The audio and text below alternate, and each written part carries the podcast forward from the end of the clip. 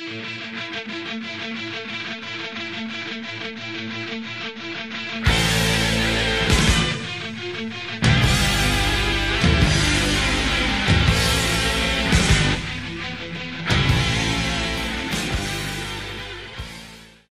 и добре дојдовте на нашиот подкаст Психологија и странски јазици. Јас се викам Гехат Обанд. Јас сум психолог, автор на книги и наставник по германски јазик. Овој подкаст ви помага да ви ги подобрите своите јазични вештини, без оглед дали сте почетник или професионалец. Јас не сум експерт за македонски јазик. Се разбира, веќе го разбравте ова. Бидете терпеливи со мене но ветувам дека ќе се бодобрам со секоја нова епизода. Ако го откривте овој подкаст само сега, најпрво проверите ги најновите епизоди. Квалитетот ги биде многу подобар отколку во првите. Темата за денешната епизода е ова. Претнос на зборување јазик како страница. Се надевам дека не ја пропуштивте нашата последна епизода. Стравот дека другите ве поправат јавно.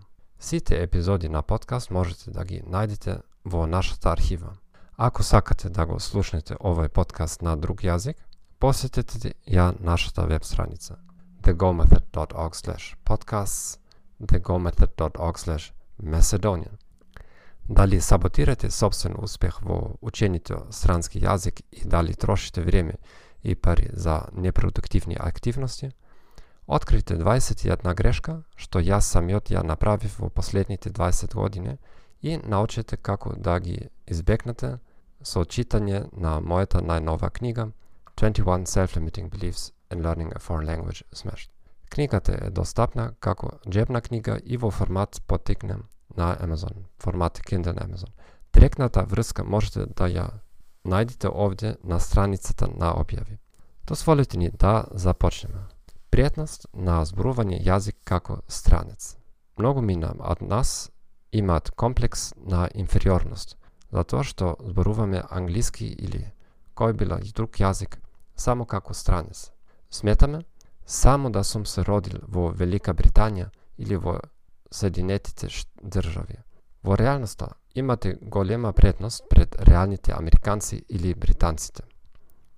За вас е полесно да се прилагодувате на акцентите и диалектите. Јас потекнувам од Северна Германија. За мене би било скоро невозможно да се прилагодувам на австријски или швајцарски акцент. И дури и да пробав, ќе се чувствував како измамник. За странец што се сели во Австрија или Швајцарија, ова е многу полесно. Неговиот ум не е оптоварен како мојот ум со илјадници часови слушање на северноамериканскиот акцент. За вас е полесно да чувствувате емпатија со другите страници, странци. Вие знаете подобро како да ги кажете работите на едноставен начин. Ова е голема предност во глобализираната економија, каде најголем дел од комуникацијата на англиски јазик е помеѓу двајца странци. Например, Јас како германец зборувам англиски со колега од Словачка или од Турција. И како странец повеќе сте полюбопитни. Вие разбирате дека треба постојано да учите нови зборови и да ја повторувате вашата граматика. Вистински германец или американец често пъти е премногу само да задоволен.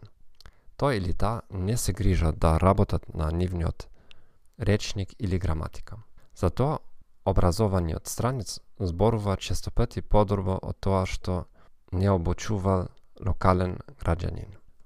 Благодарам што го слушавте нашиот подкаст Психологија и странски јазици. Се надевам дека овие информации беа корисни за вас. Ве молиме, предплатите се на нашиот канал на Apple Podcast, Spotify, Stitcher или вашата умилена апликација. Ве молиме, препорачите ни на вашите пријатели и колеги. Како што везвив порано, јазичниот дел ќе се подобри со следните неколку недели. И дозволете ми да знам што мислите за денешната епизода. Само пиши ми е-пошта. Кажи ми кој прашање имаш, за да можам да одговорам на нив во една од предстојните епизоди. Ти посакувам убав ден и с Богом.